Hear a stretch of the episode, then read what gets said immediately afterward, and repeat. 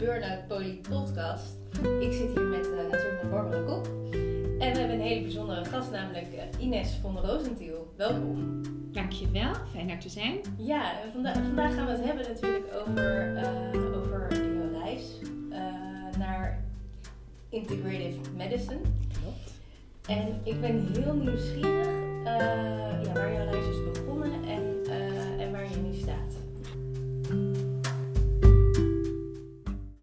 ik um, starten. Als je het specifiek wil hebben van, uh, over integrative medicine, dan uh, is dat um, iets ge, ge, geweest wat zich heeft aangediend in mijn tijd als intensive care arts. Dus misschien moet ik even teruggaan. Um, uh, ik heb geneeskunde gestudeerd in Leiden en ja, had zoiets van ik wil, ik wil, een, ik wil goed worden in acute geneeskunde dat was zeg maar uh, hetgene wat ik toen voor ogen had. En toen ben ik dus na die uh, studie geneeskunde, um, wilde ik kinderarts worden, maar altijd met het idee van uh, in de acute geneeskunde. Dus ik heb na mijn kinderartsen zijn, heb ik intensive care gedaan. Dat is nog een keer drie jaar. En in die tijd um, had Leiden nog geen eigen kinderintensive care en ben ik gaan werken in Amsterdam, in het AMC. En nou, daar heb ik iets van uh, 10 of 13 jaar gewerkt. En in die tijd op de intensive care, waar natuurlijk zwaarzieke kinderen liggen, um, daar merkte ik dat ouders vaker vroegen in uh, situaties die of uitzichtloos waren of heel erg, um, ja, toch heel erg ingrijpend van goh, mag er misschien een masseur komen? Of kan er niet een acupuncturist komen? Of, nou, en dat was in die tijd heel erg ongewoon en werd eigenlijk werd er een beetje schamper over gelachen. Zo van, hé, hey, we zijn hier bezig met levens te redden en nu krijgen we deze vraag. Om het maar even een beetje kort door de bocht te doen. Totdat op een bepaald moment een anesthesist kwam uit Amerika. En die um, uh, zei dat er heel erg veel te bewerkstelligen was met taal en ook met medische hypnose. En ik was in op dat moment hoofd van de afdeling en ik dacht, nou, fantastisch, laten we die man komen. En uh, met de hele delegatie keken wij hoe hij bij een kind van 12 jaar al pratende, ja, do you speak English? Yes. En dan uh, nou, had hij dan eerst een klein gesprekje met die jongen. En hij nam hem mee op een soort geleide visualisatiereis. En hij schoof zo de lijn zeg maar, die we nodig hadden om bloed af te nemen in zijn lies. En normaal gesproken moet je daar heel veel medicatie voor geven. En dat lukte gewoon al pratende had hij de lijn erin.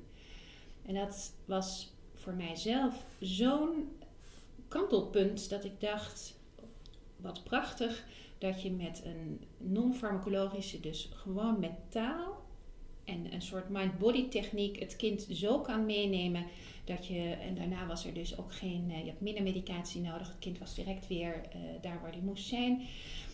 En vanaf dat moment dacht ik, ja, hier ga ik iets mee doen. En ik me eerder voorgenomen met 30 dat als ik 40 ben, dan neem ik een jaar vrij af. Dan uh, is dat een sabbatical, dat is echt voor mij. En daar heb ik van allemaal leuke dingen gedaan. Maar onder andere ben ik toen ook in dat jaar uh, naar Amerika gegaan. Um, het is misschien nog wel leuk straks om te vertellen van hoe ik daarachter kwam. Maar dat was het moment. Plus de vragen van ouders van goh, die hadden dan uh, meningococcoceptische shock. Dat is een ernstige infectieziekte. Dat was mijn specialisatie. En hadden kinderen hadden het overleefd. Die hadden dan diepe wonden of een arm geamputeerd of een oor was er af door die ziekte. En toen vroegen ouders van ja dokter, denkt u nou dat calendula of aloe vera nog iets uitmaakt op dat die wonden wat mooier helen? En toen dacht ik nou ik heb geen idee. Ik weet niets van kruiden. Ik weet überhaupt, ik heb eigenlijk een fantastische baan als hoofd van de kinderintensive care. Maar dit soort vragen kan ik niet beantwoorden. En dat was ook een van de triggers dat ik dacht die rugzak moet op een andere manier nog met andere dingen gevuld worden dan dat wat ik nu heb geleerd. En dat kwam allemaal samen dan dat ik daarachter kwam tijdens het sabbatical. Uh, had ik zeven maanden in een klooster gezeten en boeddhistische filosofie gedaan. Dat was iets wat ik al heel lang wilde doen. Uh, zelf voor mezelf een soort personal uh, ja, ontplooiing, uh, omgaan met uh, moeilijke dingen van het leven, maar ook de diepte in. Daarna had ik een andere wens dat ik drie maanden met een paard door Zuid-Amerika zou trekken. Dat had ik ook gedaan. En toen zat ik aan de Ganges in India. En toen zat ik in een, ik weet nog, een aftans um, internetcafeetje. En toen dacht ik integration, medicine. En op een gegeven moment kwam er integrative medicine op. Maar eigenlijk heel, helemaal uit het onderbewuste dat ik bezig was met integratie van werelden. En toen kwam het woord integrative medicine op. En toen ben ik daarover gaan lezen. En toen dacht ik, joh, dat, dat is echt iets. Dat is een subspecialisatie dat bestaat. En toen deed ik integrative pediatrics, mijn eigen vak. En toen kwam er dus professor Katie Kemper op in Boston, in het um, Boston Children's Hospital. En daar heb ik direct een mail naartoe gestuurd. En twee dagen later, dus weer naar dat internetcafeetje. En daar was het antwoord, you're most welcome. En toen heb ik dus gedacht, ah, nu moet ik echt naar de kapper. En ik moet kleren kopen, want ik had een 7 kilo rugzak in dat hele jaar. En, en toen ben ik afgereisd. En dat was voor mij de, het, eerste ervaring, zeg maar, de, zelf de ervaring opdoen met integrative medicine uh, vier maanden in Boston. Dus dat was het begin, zeg maar. En welk jaar hebben we het dan over? Ja, daar hebben we het Ongeveer. over. Ja, ik ben uit 61, dus um, dat moet dan in 2001 was dat. Ja, ja precies. Kan je nagaan, een van de eerste mensen in Europa ja. die tot de ontdekking komt dat dat in Amerika al En dat was daar was. ook al echt uh, geïnstitutionaliseerd. Er waren al ziekenhuizen die dat echt aanboden. En dan niet alleen in de kindergeneeskunde, maar ook op andere specialisaties. En toen dacht ik, hoe is het toch mogelijk dat ik echt een goede opleiding heb gehad in Nederland, maar ook echt de reflectie op hoe cultureel bepaald uh, het ook is wat, uh, wat je aangeleverd krijgt. Ja. Dat er dus nog een hele andere wereld er. En natuurlijk wist ik dat van mijn reizen, dat in andere culturen mensen veel meer uh, ook nog naar andere, meer traditionele geneeskunde leeft. Le leeft er natuurlijk veel meer. Maar dat er gewoon ook in een westers land zoals Canada, Amerika of Australië een veel grotere integratie al was van kennisbronnen. En ja, toen wist ik nog niet, maar dat weet ik dan nu wel, dat als het gaat om integratie staat Nederland en nog steeds op de allerlaatste plaats wereldwijd. Dus dat was ook een soort realisatie dat je uh, dat hoe je op wordt geleid, dat dat je waarheid wordt. En um, als je ergens anders wordt opgeleid, dat je daar toch heel andere uh, dingen meekrijgt. En dat het je ook heel erg bepaalt wat voor arts uh, je wordt. Dus die anesthesist, die, dat was het kantelpunt. Maar ook met name de vragen van ouders. Waarvan ik dacht, nee, ik weet dat niet. En ik wil dat, daarvoor ben ik te nieuwsgierig. En denk ik ook van, nee, dat wil ik graag weten. En ook, ook zelfstandig op zoek ben gegaan naar Waar haal ik die kennis vandaan? 2001. Ja. En toen? Dus toen was jouw nieuwsgierigheid gewekt. Ja, en toen uh, was ik dus uh, die vier maanden in het Boston Children's Hospital, waar ze voor verschillende, hele, zeg maar in de dagelijkse praktijk, stel je voor je hebt een kind met reuma en heeft een knie waar iets moet gebeuren, er moet dan een injectie in met corticosteroïden. Nou, ik was dan gewend dat je zo'n kind uh, tijdelijk even iets geeft waar die of van gaat slapen of uh, dus dormicum allerlei middelen krijgt. En in Amerika was het zo, nou, je kan dormicum hebben of wil je liever dat de acupuncturist komt. En dan mocht het kind altijd kiezen tussen optie A en optie B.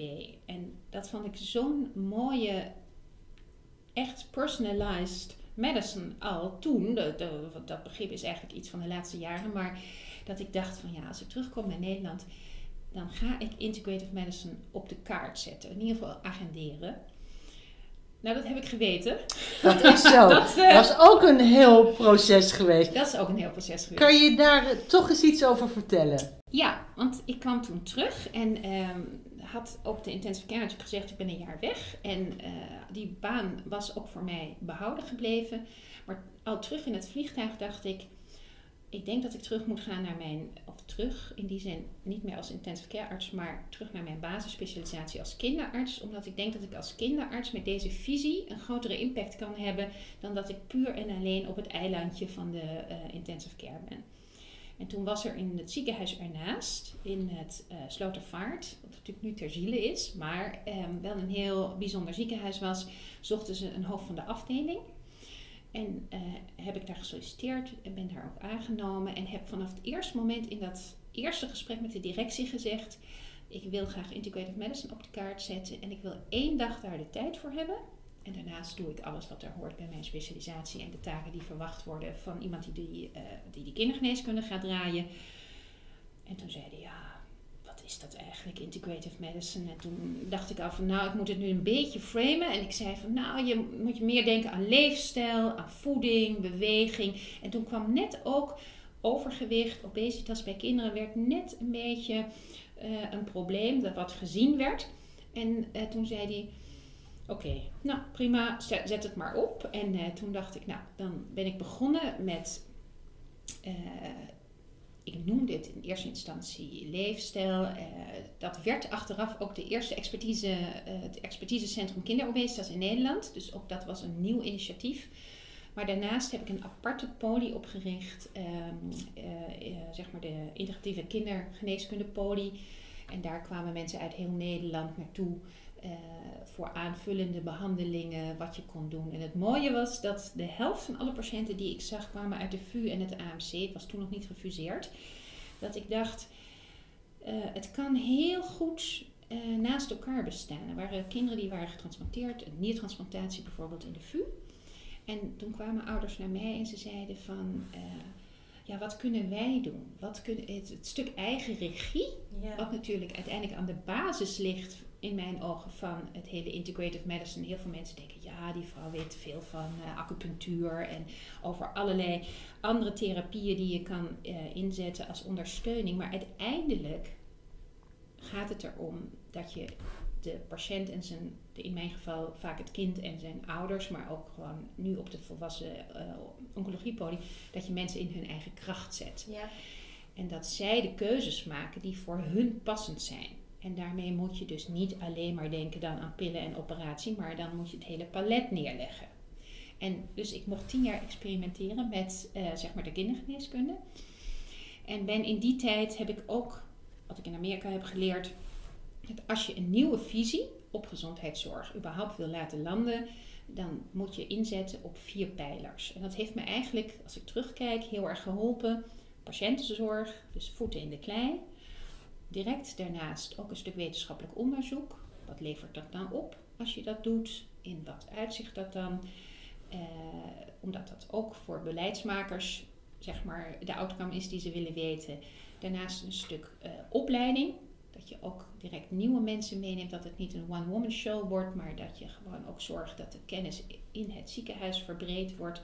En natuurlijk een stuk beleid, dus uh, allerlei. Um, dat is meer de activistische kant van mij. Dat je zegt van ja, we moeten ook in Nederland de handen op elkaar leggen. We moeten straks natuurlijk ook zorgen dat het betaalbaar, hè, dat het bekostigd wordt. Dus op patiëntenzorg, ze zeggen ja, patient care, education, research en advocacy. Die vier dingen. En dat is eigenlijk ook nu nog het geval dat ik ervoor zorg dat je op die vier pijlers zeg maar het huis bouwt wat je uiteindelijk uh, wil neerzetten. En dat ben je gaan bouwen. En dat ben ik gaan bouwen. en vooral... Samen met uh, steeds ook enthousiaste gedreven ja. anderen. Ja, je had een hele mooie groep mensen om ja, je heen. klopt. En toen zijn jullie in Nederland eigenlijk het um, gaan institutionaliseren, ik kan het niet anders noemen. En hoe, hoe goed ging dat toen? Ja, je merkt, de, de, de, het leuke is achteraf gezien, en dat is ook leuk om hier aan mee te doen, omdat je dan zelf even terug naar gaat, ja. ook in de tijd, ja. dat je ziet um, welke mooie mensen je hebt mogen ontmoeten. Onder andere natuurlijk Barbara zelf, want wij hebben natuurlijk ook een raakvlak gehad in, dat, in, in die 2007. tijd. 2007 in het meer holist, hè, de gewoon holistische zorg voor kinderen, voor ouders. En ik heb dus op die weg, uh, die natuurlijk vanuit 2001 tot nu, dus we praten echt over wel uh, 20 Prachtig, jaar. 20 jaar. Uh, een heleboel mensen mogen ontmoeten die met mij hebben gebouwd aan, uh, om deze visie niet alleen geagendeerd te krijgen in Nederland, maar ook echt geïmplementeerd. En um, we hebben dus in de laatste vijf jaar um, ook echt mogen oogsten. Want als je nu kijkt, is er dus een consortium integrale zorg en gezondheid. Wat we via Zon en W hebben het verzoek gekregen op een gegeven moment van um, Misschien moeten jullie de krachten bundelen om ook in een consortiumachtig verhaal naar buiten te treden. Vehikel van verschillende ziekenhuizen, twee academische ziekenhuizen en drie teaching hospitals, dus STZ ziekenhuizen en een onderzoeksinstituut. Waardoor er ook gezamenlijk wetenschappelijk onderzoek kan worden gedaan. Uh, ook in Nederland en ook van Nederlandse bodem. Blijkt dan toch ook heel belangrijk te zijn. Ik denk heel vaak, het hoeft niet allemaal van Made in the Netherlands, maar als het dan toch moet, ja. dan is nou ja, vanuit Zon en W was er natuurlijk letterlijk ook een noodzakelijke ja, vraag. Dus die vraag lag er. En um, dus dat heeft nu ook, uh, we hebben nu uh, eh, 8 oktober ons eerste congres vanuit het consortium. Dus we willen ook echt nu naar buiten treden nadat we de laatste drie jaar achter de schermen eerst even intern alles goed hebben neergezet in verschillende werkgroepen. En ehm, ook internationaal zijn aangehaakt bij, de, bij het Amerikaanse consortium waar we al veel contact mee hadden, maar ook met de Brazilianen. Dus, en de WHO heeft dat opgemerkt en die heeft zoiets van, nou we moeten eigenlijk zorgen dat alle consortia met elkaar dus. Ja, dus op allerlei niveaus, van heel klein, van een spreekuur tot ehm, eh, in de rol van mentor voor eh, jonge mensen die ik, uh, ja, waar ik mentor voor ben, een mentor-mentee relatie in verschillende ziekenhuizen en ze empower om die weg te gaan tot zeg maar onderzoeks. Um, niet zozeer onderzoeks, maar opleidingsinstituten zijn er gekomen. De opleiding. De opleiding Hoe mooi is, dat, die Nederlandse opleiding? Ja, absoluut. Er zijn er nu drie. Er is, uh, er is de Amsterdam School of Integrative Medicine and Health. Dat, die hebben prachtige modules voor, um, dus dat kan je modulair kan je dat gaan doen. Ik ben net terug van een retraite, vijf dagen. Zo mooi, echt het ervaren wat het met je doet als je uh, s ochtends begint met yoga. Uh, dan een stuk kennis uh, tot je neemt. Dan weer uh, iets meer in de beweging. Ze zijn zelfs nog ergens in heel koud water gesprongen. Ze hebben van alles ervaren en een stuk kennis tot zich genomen. En ik mocht daar dan een dag doseren. Ik was nog zelf niet helemaal in staat om alles mee te doen, omdat ik net een operatie achter de rug had. Maar het mooie was dat ik dacht, daar waren vijf, nee, elf huisartsen en vier specialisten. En naar die vijf dagen hadden ze zich dat ook zo eigen gemaakt dat ik denk van ja, voor, nu kan je het ook echt uitdragen aan, aan degene die voor je zit in de spreekkamer. Dus je hebt die Amsterdam School of Integrative Medicine, dan heb je de Academy, um, dus de AIM, de Academy Integrative Medicine, waar ik ook in de onderwijscommissie zit, waar we, uh, daar was een eenjarige opleiding en dat is nu een tweejarige opleiding. En je hebt het Stiebig, dat is van uh, Carlien Bongers, um, een van de ex-chirurgen die heeft voor HBO um, uh, een prachtige opleiding neergezet. Voor ook waar nu veel verpleegkundigen die echt heel gedreven zijn om daar iets meer mee te doen.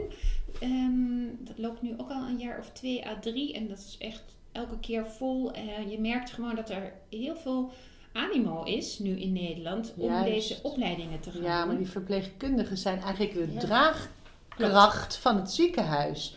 Ja. zij zijn eigenlijk de, de smeerolie, vind ik. Zij verbinden iedereen. Ja. Dat is ongelooflijk belangrijk. Dat zij nu een hele mooie opleiding hebben gekregen. Want er was heel veel vraag. Zagen wij afgelopen twintig jaar. Klopt. Toen we ook bezig waren met kracht naar kanker.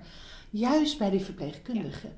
Die willen heel graag compleet holistisch naar de patiënt kijken. En zij hebben dat eigenlijk ook al veel meer in hun werk. Uh, kijk, je hebt de artsen, zeg ik altijd, die heb je nodig. En dat zegt, zeggen ook de verpleegkundigen. Het kan niet zo zijn dat jij je dat helemaal hebt eigen gemaakt en dat dan de specialist zegt, joh, ik heb er niks mee.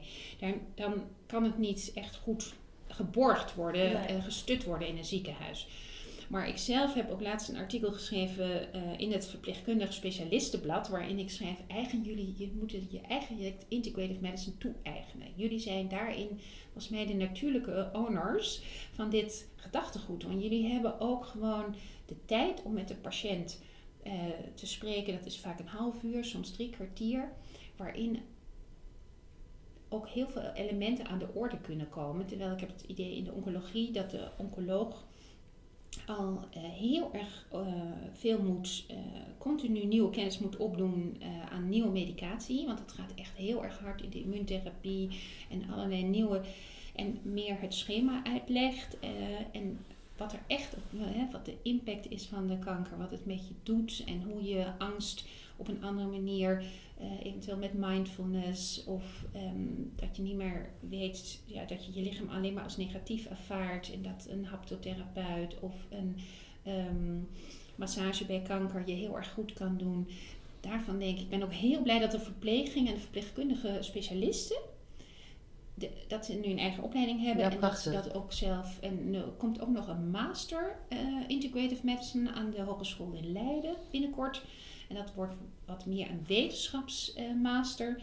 Dus je ziet dat in de laatste vijf jaar qua opleiding dat je niet alleen maar naar Amerika hoeft af te reizen. Ja, prachtig. Nu, uh, dus de, die beweging is echt gaande. Ja.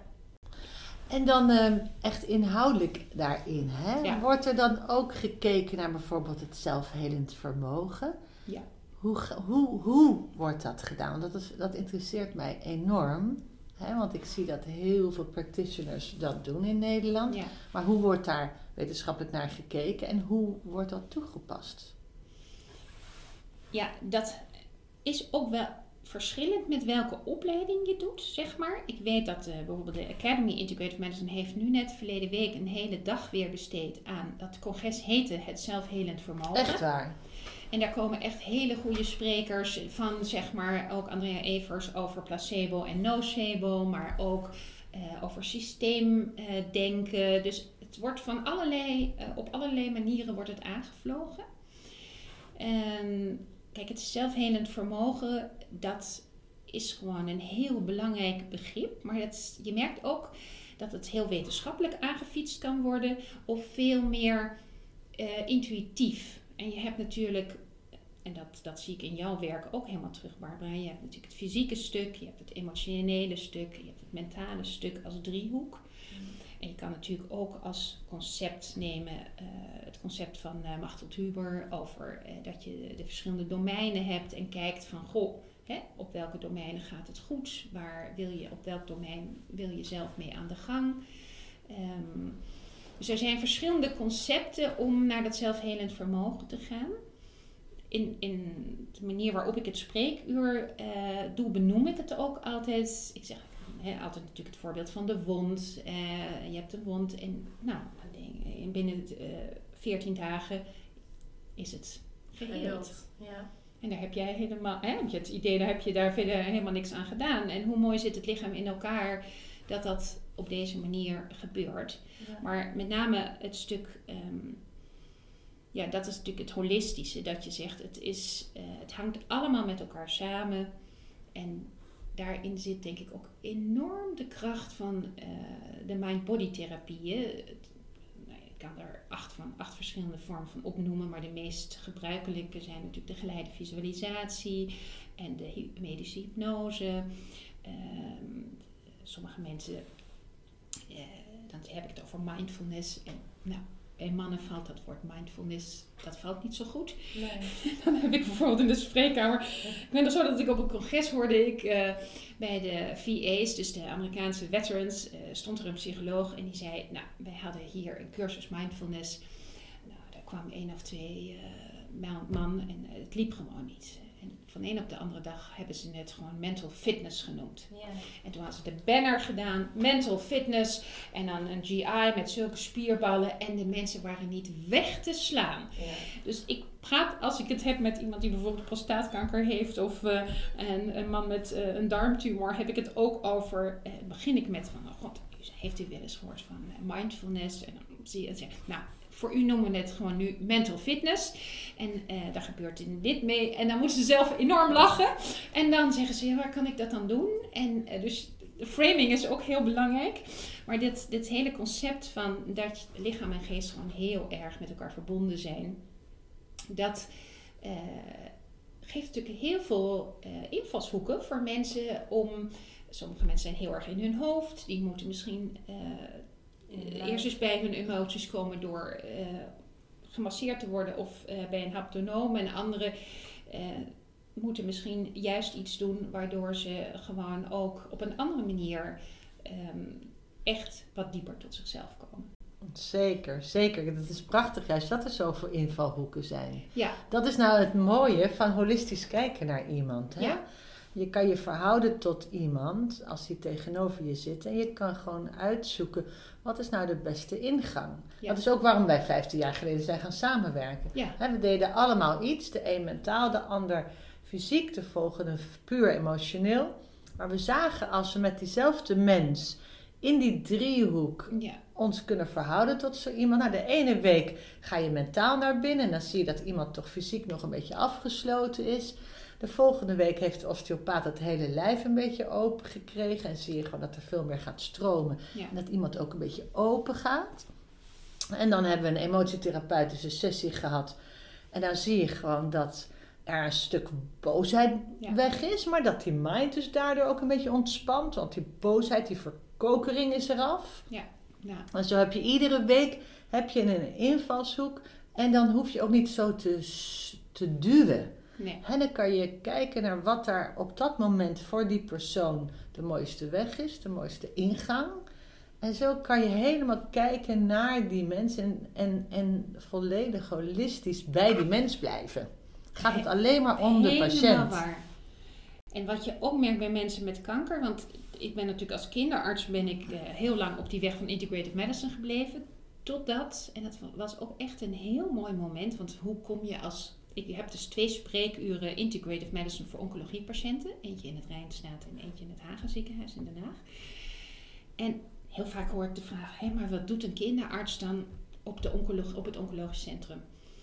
En het mooie was dat een van de collega's eh, eh, van het Rijnstaten, die eh, heeft dus borstkanker gehad en die heeft dat heel erg gemist in het ziekenhuis. En die is verder heel prima behandeld, maar die had zoiets van, nou, volgens mij is het echt nu het moment dat dat wat in jouw hoofd zit, Ines, dat die aanpak ook, en waar we het nog niet over hebben gehad, is het spirituele. Dus naast het, maar dat, hè, dus als het fysiek, emotioneel, mentaal en spiritueel, als je hem als vierkantje doet, maar dat eh, het is ook maar net hoe je het definieert, dat we dat inbrengen in de oncologie. En ik ben toen samen met die kinderarts naar het hoofd van de oncologie gegaan. En zij heeft toen gezegd, nou volgens mij moet ik dat gewoon gaan doen. Dat was natuurlijk heel vernieuwend. En nu zit er dus een kinderarts, zit er dus oncologie, integrative medicine poli te draaien.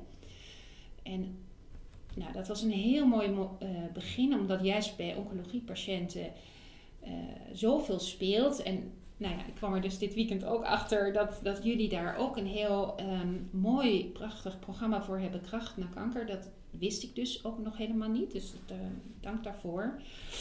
En ehm, toen die oncologen door hadden dat er eh, in Nederland dus al een integrative medicine spreker was, eh, ben ik ook een soort stageplek gaan creëren. En zijn verschillende oncologen ook langsgekomen met een soort open mind en hebben gewoon eh, bij me in de spreekkamer gezeten, waarvan er dit jaar twee zelf in hun eigen ziekenhuis, dus eh, in Zwolle en in eh, Veldhoven, hun eigen integrative medicine oncologie spreekuur neer willen zetten. En dat zijn dus oncologen of oncologische chirurgen. Dus toen dacht ik, hoe Fantastisch. mooi is het dat het zo wordt opgepakt Ja. Ja. en in hun eigen specialisatie nu. ehm, Ja, het is zo interessant als dat oncologisch traject stopt. Is dus de patiënt totaal nog niet hersteld. Hè? Mentaal, emotioneel Nee. echt nog niet hersteld. Ze noemen het ook het zwarte gat. Hè? ja, Daar is ook zo'n prachtig filmpje over. Die hebben wij ook op de website staan.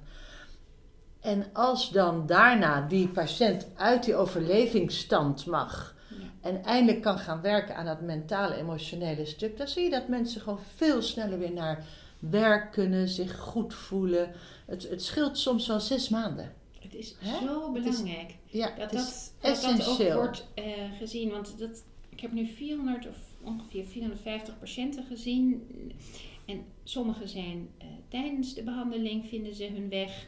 Want die hebben dan wat meer vragen over, goh, ik zou graag, eh, ja, met name de vraag, wat kan ik zelf doen? Dat, dat staat Ja. voorop. Wat moet ik nou eten? Ehm, kan ik, eh, helpt kurkuma of moet ik dat juist niet doen? Want ik heb ergens gelezen dat het ook eh, negatieve bijwerkingen kan hebben met mijn chemotherapie. Nou, daar zit een stuk inhoudelijke eh, coaching van mij, een soort gids van dit wel, dit niet, in een ethisch raamwerk wat ik gebruik van werkzaamheid en veiligheid. Maar juist dat stuk, Barbara, wat jij ook zegt van. Eh, wat overkomt mij. Dat, dat zie je vaak, dat dat vaak na één of twee jaar komen die mensen nog. Omdat ze eigenlijk helemaal niet daaraan zijn toegekomen en uh, toch voelen dat, dat ze zo niet verder kunnen.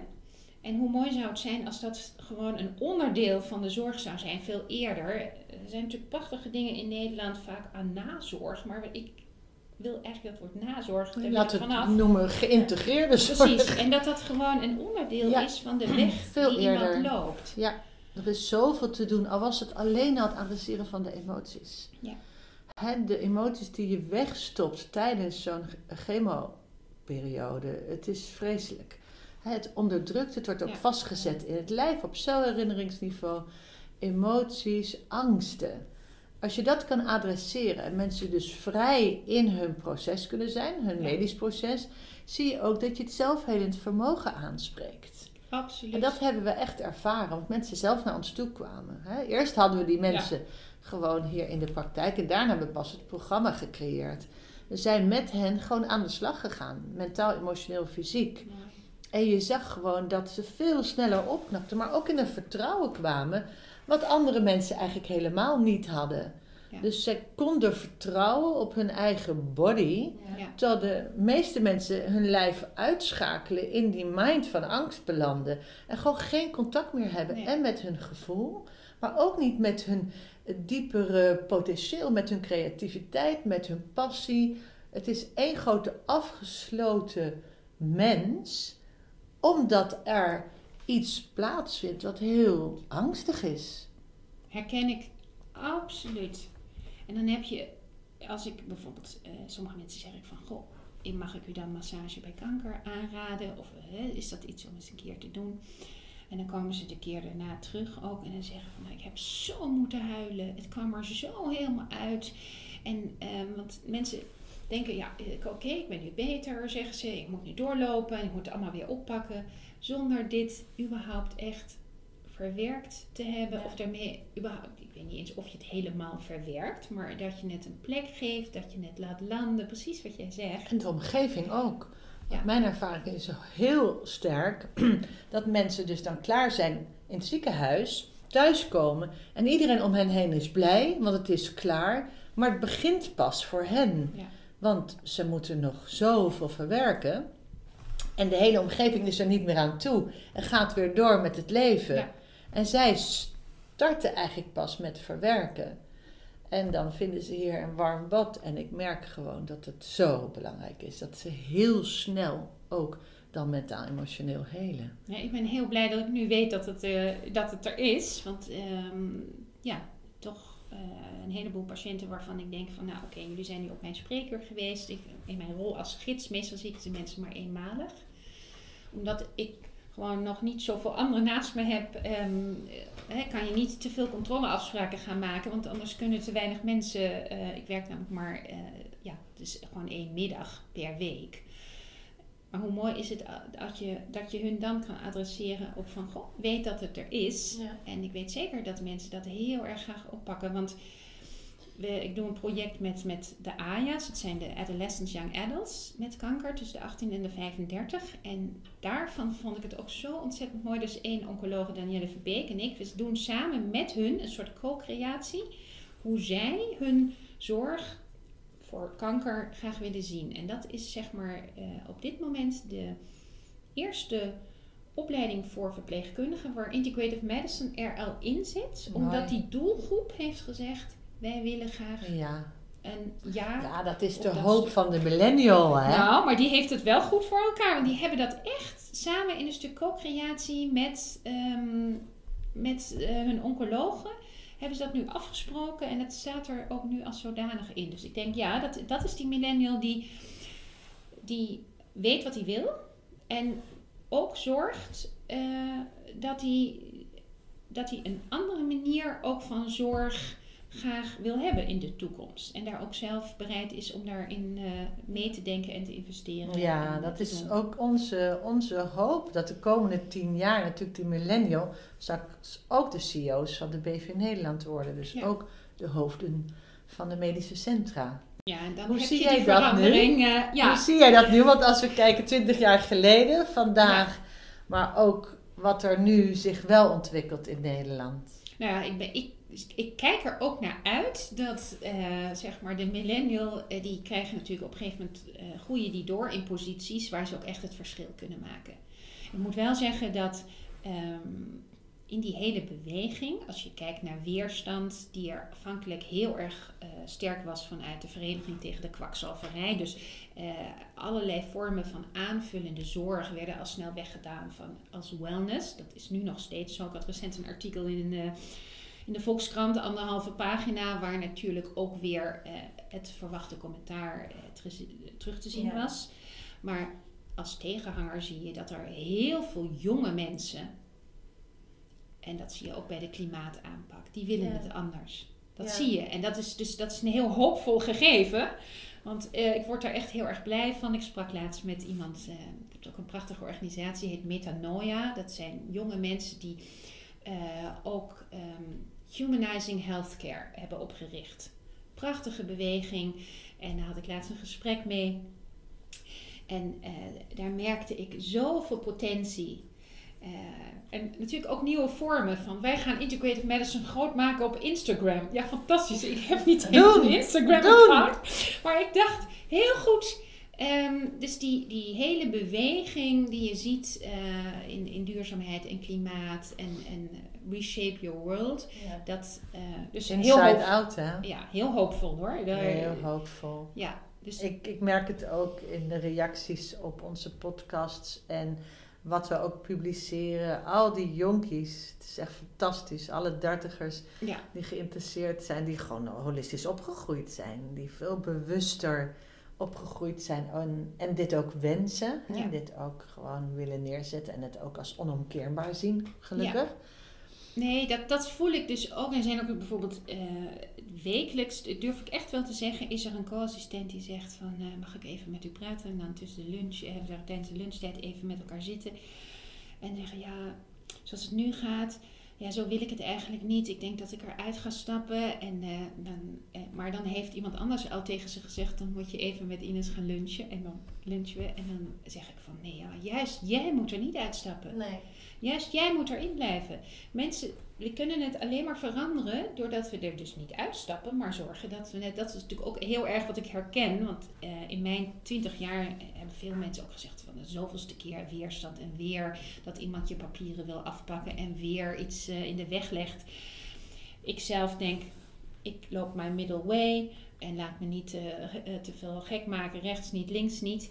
Maar hele jonge mensen die dan toch die hiërarchie heel erg voelen, die denken er is geen plek voor mij. En die moet je dus empoweren, die moet je zeggen van nee, we hebben jou juist nodig. En vanuit het systeem uh, zorgen dat het ook anders kan. En nou, dat vind ik zelf natuurlijk nu, nu dat ik um, zelf ook, uh, nou, word dit jaar 60, dat ik denk van uh, de rol om, om andere mensen te empoweren, die, die al heel erg de meerwaarde zien, maar ook nog zoekende zijn. Hoe kan ik dat nou doen zonder dat ik uh, omver word gelopen? Um, want dat is nog wel zo. Die beweging die is er en, en dat gaat zich doorzetten. En dat wordt zeker over vijf tot tien jaar zul je zien dat er nog veel meer aan opleiding is. En dat er meer integrative medicine spreekuren zijn. En op een dag hoop ik dat die spreekuren niet eens meer nodig zouden zijn. Maar dat het een manier van werken is geworden. Ja. Dat je er gewoon niet een aparte spreker voor nodig hebt, maar nee. dat het in, geïntegreerd is in je, in je ja. in de opleiding. In de opleiding. Ja, ja en ja. ik zie wel bij jullie op de website gewoon uitgebreid daarover gesproken wordt. Dus dat is toch ook nee, al nee, fantastisch? Nee, dat, dat is er zeker. En, uh, uh, en de groep wordt ook steeds groter. En ik moet ook zeggen, er zijn nu meer dan 250 huisartsen die uh, ook al de opleiding hebben gedaan. En die dus ook in de, uh, in de spreekkamer al anders werken. En met name het stuk samen beslissen en die eigen ja. regie. Ja. En dat het hem helemaal niet zo ziet, zit per se in. Uh, uh, heel vaak zeggen mensen: Ja, jij bent voor acupunctuur. Hè? En dan zeg ik: joh, ik ben helemaal geen stromingsdenker. Het kan zijn dat acupunctuur voor die en die klacht een toegevoegde waarde heeft. Maar het is veel breder dan dat. Het heeft veel, meer te maken met uh, de kracht in, in de persoon die tegenover je zit aan te spreken. En daar de goede ingang, zeg maar, ja, als gids of als coach, daarin mee op te lopen. Dat, dat degene zelf denkt, oh ja, maar ehm, ook in die hele oncologie. Ik denk van de vraag van, goh, wat zou ik uh, kunnen eten? Dat moet toch niet iets zijn wat je eigenlijk naar een apart spreker. Dat, daarvan denk ik, daar zijn, uh, uh, er zijn goede folders, bijvoorbeeld voeding bij kanker, voeding na kanker. Dat moet gewoon in de spreekkamer liggen. Dat moet gewoon niet. en de bewegingsrichtlijnen. En het adresseren van gewoon de angst dat je het ziekenhuis ingaat en weer de hele dag zeg maar in de dagbehandeling zit. Wat zou je kunnen doen als een mind-body therapie, hè, eventueel een bodyscan als je, als je in de in, in, de stoel zit. In de stoel zit de hele hè? dag. En, en dat zouden natuurlijk dingen kunnen zijn, of afleiding met mooie muziek. Ja. Um, wat gewoon al, ja, dat is natuurlijk geen rocket science. Uh, dat, dat zijn dingen waar, dat, en daarvan denk ik, nou, over vijf jaar heb ik echt het gevoel dat het veel meer in, in de zorg zit hoor. Wij ook. Het is pas vijf jaar ook dat ik zoveel hoop heb hoor. Ja, nou ik ook hoor. Het is echt grappig, want 15 jaar geleden waren wij ook pioniers en wij zijn ook af en toe echt weggehoond. Ik ben echt geschoffeerd heel vaak. Wat ik wel niet dacht enzovoort. Maar ik heb pas vijf jaar dat ik echt het gevoel heb dat we hier in Nederland uh, in een beweging komen. Ja. Laat ik het zo noemen. Nou, die, die, dat, dat voel ik net zo. En nu is het onomkeerbaar en nu komt gewoon de vanzelfsprekendheid naar boven van wie wij zijn, de mens, in die habitat, in die omgeving, in het hele systeem. En nu kan iedereen echt vanuit zijn eigen systeem gaan helen. Ja. Daar is nu openheid voor. Mooi dat je dat woord helen zegt. Uh, in integrative medicine heb je dus uh, vier pijlers. En het eerste is de arts-patiëntenrelatie. Dus dat het veel meer een, een, uh, de, de, de patiënt een mederegisseur is en veel meer gelijkwaardig. En het tweede is de pijler preventie en leefstijl. Dat dat een onderwerp zou moeten zijn in elk gesprek. En dan heb je het healing environment. Nou, vijf jaar geleden durfde ik het woord healing environment, dat durfde ik niet eens uit te spreken.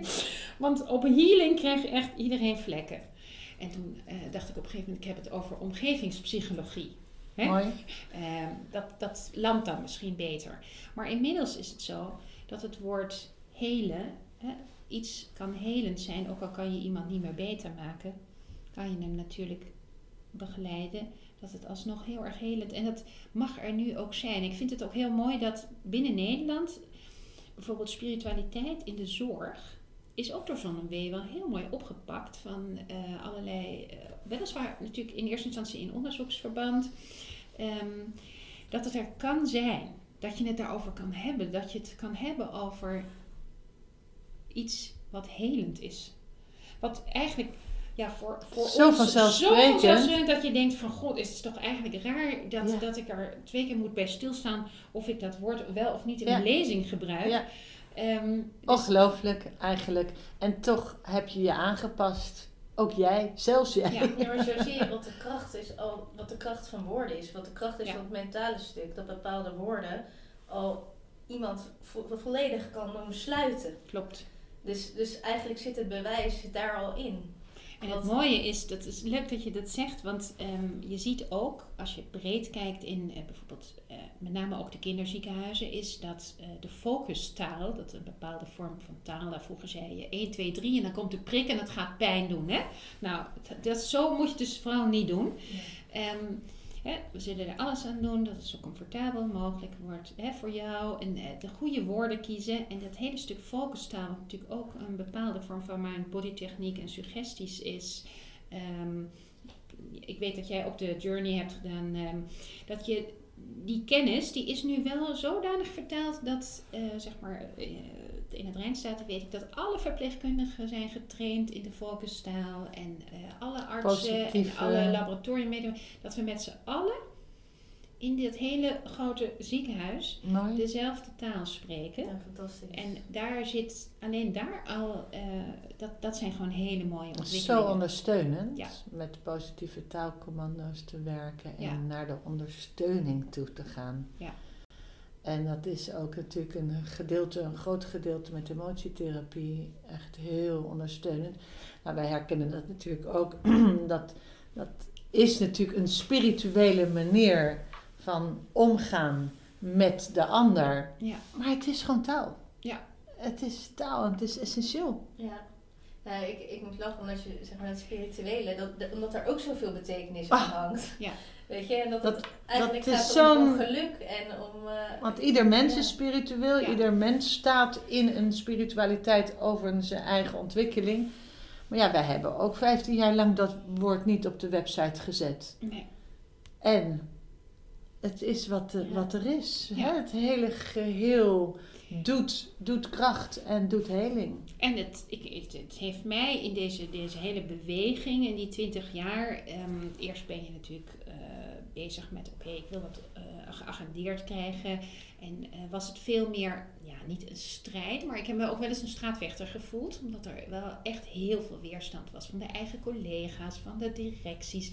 Ja. Imago-schade, hè, wat gaan we hier doen? En, en uh, allerlei aantijgingen rechts en links. En voor de, elk jaar op die lijst van de Vereniging tegen de Kwakzalverij. En, maar in de loop van, hè, dus als ik zelf terugkijk, was ik heel erg gericht doelgericht, ambitieus. Dat wilde ik neerzetten. En ik merk zelf dat in de laatste vijf jaar ook echt veel meer een soort organische beweging is. Wat door veel meer mensen op allerlei niveaus wordt opgepakt. En ehm, waardoor ik zelf ook echt af en toe nu achterover zit en denk: God, moet je kijken wat er gewoon zich ontploft. Ja, wat, wat, er, uh, wat er eigenlijk gebeurt op allerlei niveaus. Denk ook, op allerlei niveaus de adviesraad voor. Ik zie gewoon allemaal prachtige mensen, prachtige uh, niveaus die zich bezighouden met de ondersteuning van integrative medicine. Klopt. Dus, dus um, hoopvol, maar ook blij. Want um, ja, dit was toch wel een van de dingen dat ik dacht van, nou, als, als ik de wereld een beetje mooier wil achterlaten, dan zou ik graag willen dat die kleur van, want mijn professor zei altijd, there's only one medicine. En dat is good medicine. En dus weg van al die silo's, al die, al die labels die overal. Uh, hè, ik bedoel, de mens opereert op heel veel domeinen. Uh, bestaat nu eenmaal um, uit. Hè, we hebben gedachten en emoties en een lichaam. En dat hangt allemaal met elkaar samen. En dat reductionistische denken, dat, dat heeft de langste tijd gehad. En niet alleen uh, in het stuk geneeskunde, maar, maar gewoon veel breder. En dat, ja, dat. Nu denk ik, ah, ja, er komt een hele generatie aan die, uh, die dat eigenlijk heel natuurlijk al uh, zo voelt. Zeker. En ook in het bedrijfsleven. Ook in de BV Nederland in zijn geheel we zien dat nu ook in bedrijven waar de individu in zijn team, in zijn organisatie uh, bekeken wordt. En zo kijken wij ook vanuit Unlimited People kijken we ook naar het hele bedrijf en niet meer alleen naar de mensen die omvallen en naar de achterkant, naar het stuk van, uh, van um, ja, als het kalf verdronken is. Ja, maar precies. Nee, veel, liever preventief, veel meer en preventief en proactief. Ja, en naar de hele ontwikkeling van de mens, de talentontwikkeling, maar ook natuurlijk naar de preventiekant. Hoe zit het met die preventiekant? Ja, kijk, in de preventiekant heb je, uh, je hebt in, in principe vier soorten preventie. Van uh, heel erg uh, breed, zeg maar, in de maatschappij tot in de spreekkamer. Dan is het vaak ziektegerichte preventie. Ik zelf ben Um, ook nu al 15 jaar bezig met uh, zeg maar het expertisecentrum uh, kinderobesitas. Eerst in Amsterdam en nu ook in het Rijnstaat. Sinds uh, twee, drie jaar opgezet. Dat je um, dus het, het, wat kan ik doen om erger te voorkomen, is, is eigenlijk iets wat gewoon heel erg wel ook bij mijn collega's al in de hoofden zit. Um, dus daarin de, de leefstijlgeneeskunde die nu heel erg aan het opkomen is. Ik maak zelf, kan het soms tactischer zijn om het over leefstijl te hebben. En de andere keer heb je het over, ik zelf heb het liever over integrative medicine, waar dat een onderdeel van is. Maar je ziet dat uh, er in ieder geval meer collega's in de ziekenhuizen al geïnteresseerd zijn om um, die hele preventiekant mee te nemen. Die mooie initiatieven ook bijvoorbeeld binnen de cardiologie. Het zijn vaak ook wel mensen die uit het ziekenhuis zijn gestapt en omdat ze gewoon beu waren om alsmaar voor de honderdste keer dat gevecht aan te gaan, dat het meerwaarde en belangrijk is. En hebben dus in verschillende gebieden ook zelf iets opgezet, met name. maar daar ben ik ook wel hoopvol in. Dat dat iets is wat ook echt bij de, de, de hulpverlening zo geland is.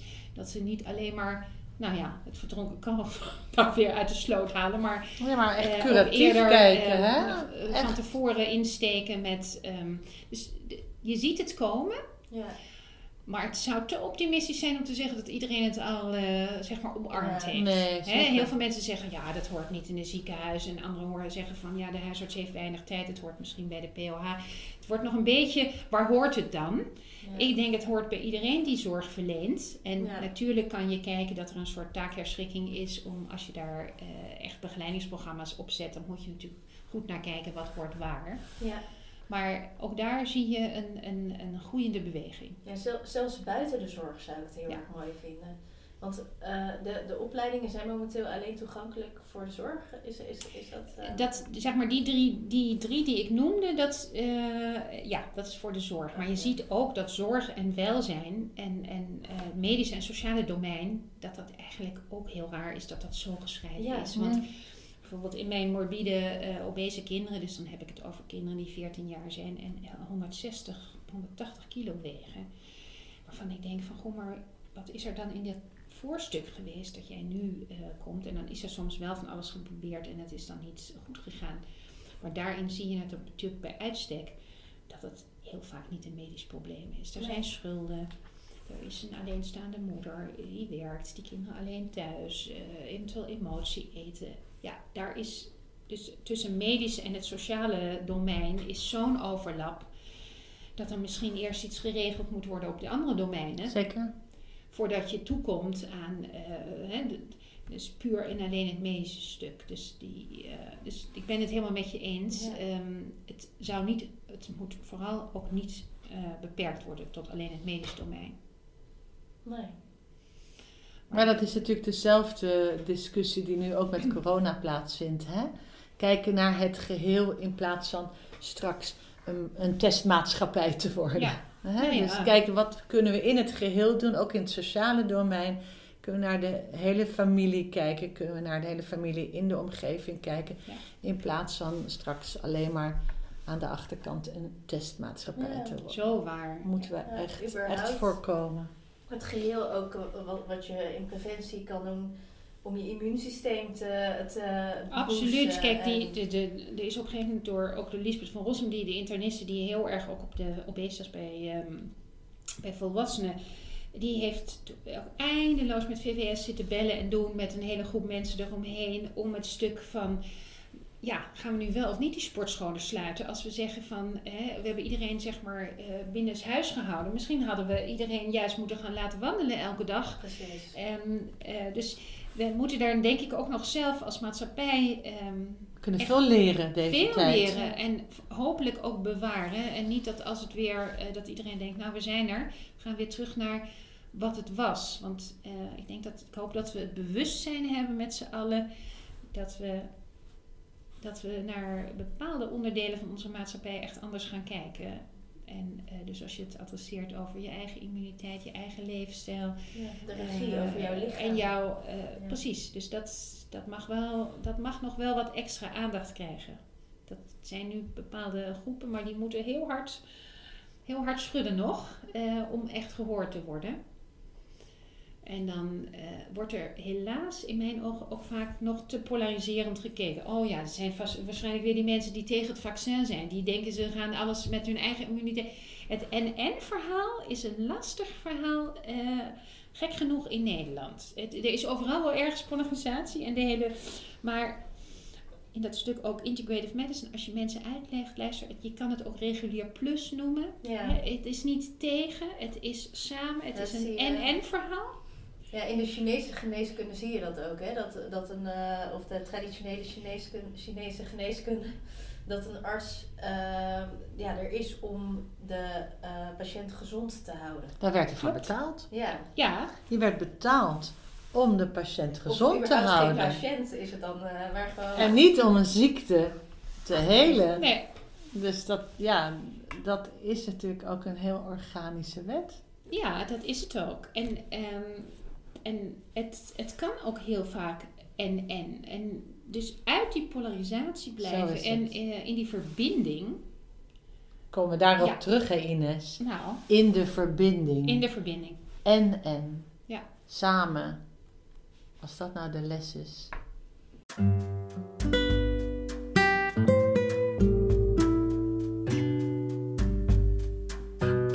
bij deze nieuwe Burnout Poly podcast. Ik zit hier met uh, natuurlijk Barbara Kop. En we hebben een hele bijzondere gast, namelijk uh, Ines van Rosentiel. Welkom. Dankjewel, fijn er te zijn. Ja, vanda vandaag gaan we het hebben natuurlijk over, uh, over jouw reis naar Integrative Medicine. Klopt. En ik ben heel nieuwsgierig ja, waar jouw reis is begonnen en